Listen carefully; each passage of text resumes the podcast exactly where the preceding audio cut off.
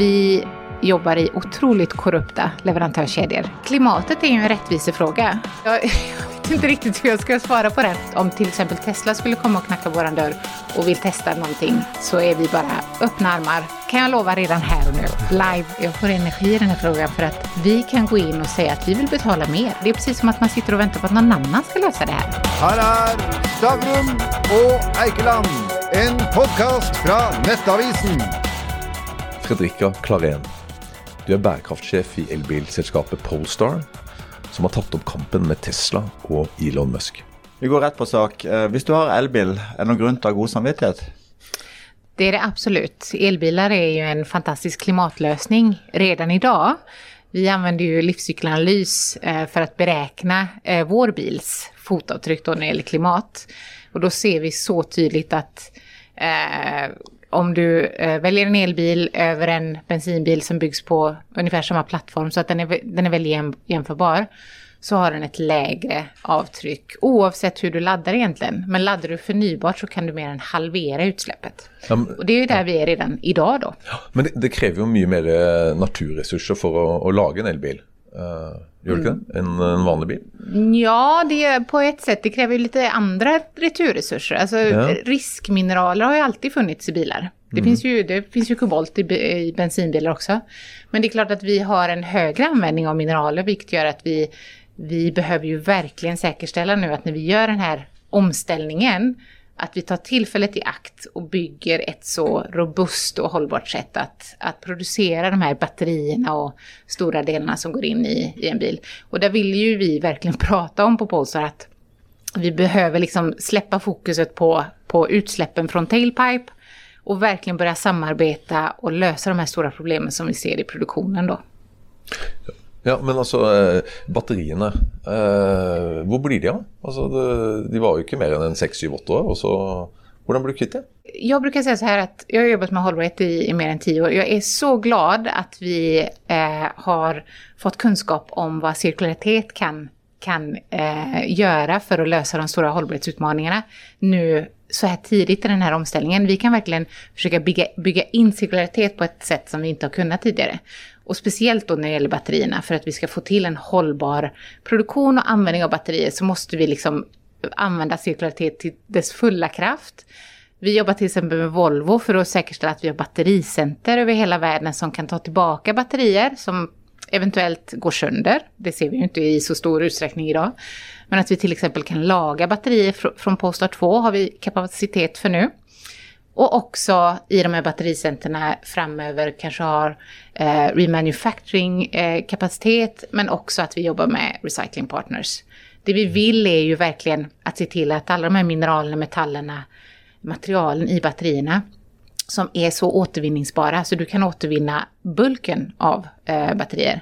Att vi ser till att få tillbaka dem in i loopen så att vi skapar den här cirkulariteten. Det kommer inte bara gynna miljöfaktorer. Eh, det kommer inte bara innebära att vi använder mindre av naturens resurser, och så, utan också lätta trycket på leverantörskedjorna och människorna i leverantörskedjorna. De är under högt tryck just nu. Eh, och vi behöver ge dem lite luft. Och att verkligen eh, se till så att vi återvinner material kommer, kommer förhoppningsvis leda till att vi får en bättre situation också när det gäller mänskliga rättigheter. Men då ska jag rett på, på invändningar mot elbilar. Uh Tenk deg at du sitter i en bilkø inn til Oslo, eh, og du sitter og venter, og du har ikke råd til å kjøpe deg en ny bil. Og så til høyre for deg er kollektivfeltet, der suser elbilene forbi. Eh, Og da, det første man spør seg om, er det rettferdig? Alltså klimatet är ju en rättvisefråga. Eh, den, den, eh, vi behöver ju verkligen se till att vi använder klimatlösningar, inte bara för att gynna en enskild människa, utan för mänskligheten i stort. Så att jag har väldigt svårt att dra gränser däremellan. Eh, men vad vi behöver skapa nu, eh, när vi också då kan ställa om och verkligen eh, rethink, alltså tänka nytt kring hur vi ska röra oss i samhället. Vi får ju den möjligheten nu med elbilar. Det är att se till att försöka skapa ett mer inkluderande sätt att röra sig och som är mer dynamiskt, som inte bara bygger på en enda lösning. Och på Polestar så försöker vi verkligen tänka, vi, vi, vi älskar ju bilar, vi älskar bildesign och innovation och teknologi. Men vi behöver ju se till så att den här produkten som vi skapar eh, ska fungera i en ny mobilitet. Och vi behöver ha elbilar för alla plånböcker, vi behöver ha dynamiska lösningar, vi behöver se en, en stark public transport.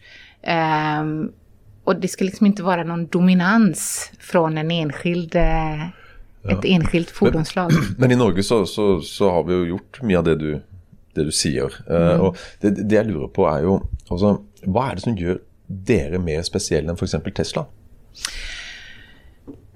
Vi, vi, alltså vi har ju en väldigt stark eh, drivkraft inifrån så vi brukar inte tänka så mycket på vad andra gör. Så den frågan, när jag får den så blir jag sådär, jag, jag vet inte riktigt hur jag ska svara på den.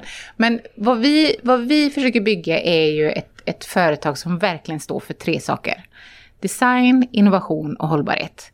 Alltså när, när du skapas så som vi gjorde för, för bara ett antal år sedan, i den här kontexten, där vi vet allt vi vet. Vi är i en skenande klimatkris, vi tappar biologisk mångfald i en takt som aldrig tidigare skådats. Vi har ökade, ökade idag ojämlikheter. När du då skapar ett företag i den kontexten så vet du ju att här måste hållbarhet vara en grundsten. Och det att, att vi matcha det tillsammans med design och innovation. Det är därför jag älskar att jobba på Polestar. Vi vill inte kompromissa mellan design, innovation och, och hållbarhet. Ja, så, så, Tesla, innovation och, och, design, det har ju det också. Men så det är hållbarheten som skiljer det? Hållbarhet är ju någonting som alla företag behöver jobba med. Sen hur transparenta de är kring det, det, det skiljer oss åt. Vi försöker verkligen berätta om det vi gör. Men vi ser ju inte att hållbarhet ska vara någonting som är en unik selling point för dig som företag. Ja. Då, det, hela industrin behöver flytta. Så det, det är också det vi försöker belysa med Pulse Zero Project. Är att eh, det här är ju vårt moonshot mål. Äh, nu blir det svengelska och hello. Hello. Hello.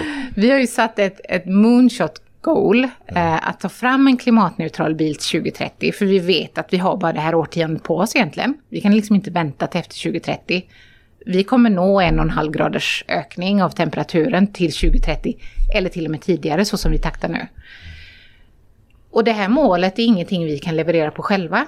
Vi behöver samarbeta med andra, andra industrikollegor för att, för att möjliggöra det här. Vi, vi behöver ställa om till förnybar energi i våra leverantörskedjor. Vi behöver innovera när det gäller material. Um, vi behöver investera mycket i ny teknologi. Mm. Uh, så därför vill vi hellre prata om att vi ska samarbeta kring hållbarhet snarare än att konkurrera. Så om till exempel Tesla skulle komma och knacka våran dörr och vill testa någonting så är vi bara öppna armar. Eh, kan jag lova redan här och nu, live. Är uh, FNs bärkraftsmål viktigt för Polestar? Absolut. Um, The Sustainable Development Goals, bärkraftsmålen som sattes upp 2015, ger ju oss alla ett ramverk som vi kan hålla oss i. Bärkraft är ju ett så vitt begrepp och det kan bära, eh, innebära allt och inget. Och det, kan, det har också tyvärr funnits egna tolkningar. Att, att man som företag bestämmer själv vad som ska vara viktigt. Mm. Det som eh, SDGs-erna ger oss här nu, det är ju ett ramverk som vi, om vi alla fokuserar på de här 17 målen, och verkligen försöka vända negativ påverkan till positiv påverkan på vart och ett av de här 17 målen så kommer det skapa en enorm kraft och kommer göra att vi samarbetar och att vi lyckas nå de här målen som är så viktiga för att vi ska, alla ska må bra på den här jorden. Men jag vill nämligen till bärkraftsmål nummer 16 mm. om att lage fredliga och inkluderande samfund med rättsvärn för alla. Yeah. Det är kinesisk eid. Mm. Der er jo eid av et land som er en versting på mange ting. Mm. Diktatur, invaderer nabostat, driver med folkemord på uigurene. Hvordan kan dere troverdig være eh, for bärkraftsmål med ett sånt eierskap? Det är det som jag älskar med att jobba med företag. Att vi som företag eh, kan arbeta med människor och med andra partners som delar våra visioner och, och, våra värderingar. Så jag har precis suttit i möte med, med mina kinesiska kollegor här hela morgonen. Och vi har pratat hållbarhet såklart, vilket är det jag pratar om hela, hela dagarna. Um, det pågår en väldigt stor omvälvning inom Kina. Jag brukar prata om att det finns två separata spår egentligen. Eh, ett är där man pratar väldigt mycket om eh, ekologisk bärkraft i Kina. Det finns en jättestor rörelse, både hos människor men också företag, där vi ser till exempel Geely då, som äger oss, som verkligen ser att den här omställningen ska ske nu. Sen så har vi tyvärr tendenser som spretar åt andra hållet, där man fortsätter hålla kvar i kolkraften och så vidare. Och, och tampas med, med problem kring mänskliga rättigheter fortsatt. Vi vill ju verkligen supportera och driva på den här positiva utvecklingen som vi ser. Och det, det, är det vi kan göra som företag, att försöka hålla oss neutrala och bara köra med, med våra värderingar. Ja, men, men altså, det kontrolleres av Seijing Gili. Eh, Li Shufe är då den eh, kinesiska oligarken bak detta. Han är god för nästan 30 miljarder dollar, så nästan 300 miljarder kronor. Han styrer Volvo, Lotus, Polestar, store aksjeposter i Daimler. Eh, han eh, til og med er jo det selskapet som produserer disse taxiene i London. Han har in investert i elektrisk fly. Eh, han er nær venn av regjeringen og de som styrer i Beijing. Dere har to fabrikker der. Hvordan kan vi tro at dere er så mye bedre enn alt annet i Kina? Transparens skulle jag säga. Det som, vi, det som vi vill stå för på Polestar är ju att eh, som företag så behöver du omfamna en helt ny transparens än vad du tidigare har gjort. För de här ägandeskapen finns bakom alla bolag. Eh, och, och, och det, det, skrivs så mycket i media eh, och, och det, det, finns så många olika narrativ. Det är så viktigt att man som företag verkligen berättar hur det egentligen är och hur det står till.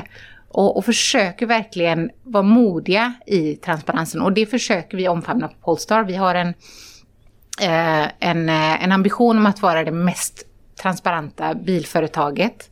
Eh, vi ger ut hållbarhetsrapporter varje år som, eh, där vi verkligen utmanar oss själva att hitta mer och mer data. Ehm, och det är det jag tror som verkligen kommer skapa den här nya, det här nya sättet att driva företag globalt. Vi måste också komma ihåg att vi måste få med hela världen. Det, vi kommer inte eh, vi kommer inte komma åt de här globala kriserna som klimatkrisen eller biologisk mångfald eller ojämlikheter står för om vi flyttar all produktion till EU till exempel, eller om vi bara säljer på vissa marknader där, där, där vi har ja, till exempel en helt jämlik regering. Vi måste se till så att vi förbättrar globalt i alla länder och det är det som är min drivkraft. Den köper jag, men, men du, du ser ju också att, alltså, om jag förstår det rätt, Kina de har et stort problem med uh, arbeids, uh, misbruk av arbeidere, der folk sendes i fangenskap osv. Du, du är enig i det? Att det är ett problem i Kina? Det finns många olika problem, absolut. Och det ja, vi gör ja. är att vi säkerställer så att vi har rätt eh, krav i allt vi gör. Så ja. till exempel när vi när vi tittar på äh, nya fabriker eller nya leverantörer i Kina så ser vi till att jobba med robusta upphandl upphandlingsprocesser. Mm. Äh, och där gör vi inte skillnad oavsett om vi men, köper men in i Kina eller om vi köper ja. in på annan. Alltså, men, det ska fungera globalt. Okay. La, oss, la oss gå litt dypere der. Du, du har på en måte invitert oss til å stille harde spørsmål, siden, det, på en måte, siden Polestar skal da ta en uh, pole position i, i, i, bærekraft. Så da mm. lurer på hvordan, hvordan sikrer dere at f.eks. at leveransekjedene deres, helt ned til mineralutvinning i Afrika, eller arbeidsforholdene til underleverandører til, til Polestar i Kina, hva slags arbeid gjør dere for å sjekke de leveransekjedene? Det är en väldigt bra fråga. Vi jobbar i otroligt korrupta leverantörskedjor. Eh, mineral, eh, mineral and metal-industrin eh, är ökänd för att eh, ha den högsta korruptionen. Eh, och dåligt gör, arbetsvillkor. Eh, verkligen. Mm. Vi har miljontals med barn som, som jobbar i gruvor varje dag. Så som företag så behöver du ju se till så att du jobbar med robusta sätt. Och jag har jobbat med hållbarhet under en längre tid och varit otroligt frustrerad över hur lama de här verktygen är som vi har kunnat jobba med. Till exempel att vi, vi ber att en leverantör signar en code of conduct och så ska leverantören i sin tur se till så att samma krav ställs ner längs hela leverantörskedjan. Och vi har inte förmåga att gå in och följa upp som företag. Det har, det har varit det primära arbetssättet. Nu får vi fantastiska verktyg att jobba med som gör mig väldigt inspirerad. Eh, till exempel så har vi ett strategiskt initiativ kopplat till materialspårbarhet. För vi vet, om, vi, om vi vet exakt varifrån vi får materialen mm. så kan vi verkligen gå in, hämta data, vi kan åka dit på plats, se hur förhållandena ser ut. Mm. Så vad vi gör nu är till exempel när det gäller kobolt är att vi sätter upp en leverantörskedja eh, som är godkänt tillsammans med, med batterileverantören. Mm. Så till exempel vi vill inte att kobolt ska komma ifrån artisanal mining, de, de här mindre gruvorna där, där man ofta hittar barn, barn som arbetar.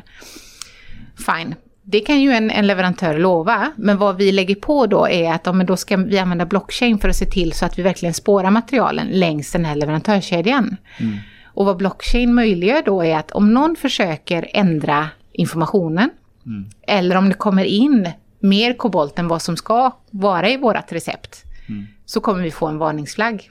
Mm. Och det är så coolt att se hur den här digitala teknologin kan komma och bara ställa allt på, eh, vända på allting som jag har känt har varit så utmanande tidigare. Hvis vi, hvis vi, hvis vi går litt videre den veien, for det er klart at det, det er fristende for oss journalister å bare hakke løs på dere, for, eh, siden dere jo på en måte har en profil her. Men hvis vi snur det litt mer positivt og spør deg eh, Opplever du at bilkunder og investorer på en måte nå er reelt opptatt av bærekraft? Eh, og gjenvinnbarhet og sirkulærøkonomi nå enn för bara några år tillbaka, du som har da jobbat mm. år med detta? Verkligen. Det är ju en otrolig ehm, eh, förändring vi ser i samhället. Eh, bara med Fridays for Future, Greta Thunberg, men också investerar-communityn ehm, som börjar vakna upp till det faktum att, att de behöver leverera på, på de globala målen också. Mm. Eh, samtidigt så måste andra kriterier också tickas i.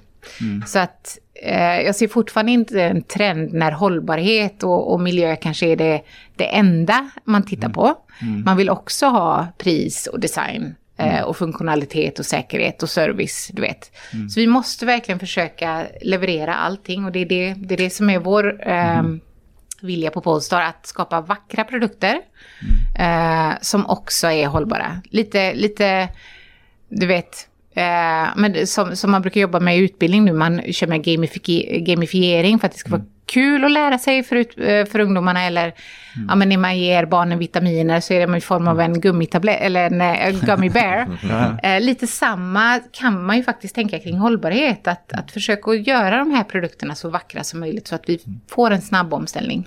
Det är många, unnskyld Olle, men det är, det är många liksom, harde ekonomer som tror att bärkraft är en motsättning till lönsamhet. Men det är ju väldigt mycket forskning som visar det motsatta, att det faktiskt ja. är lönsamt att, att driva bärkraftigt. Så där är, har vi som mål också att både ska tjäna pengar och kanske göra världen lite bättre. Då.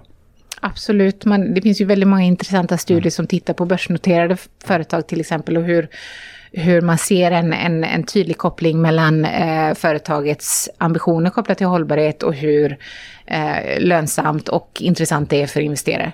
Så att den... Ah, det bör vara så tydligt för alla nu att det här handlar om att göra sunda affärer. Ja. Um, men samtidigt så ska vi ha ögonen öppna för att det här kommer krävas investeringar.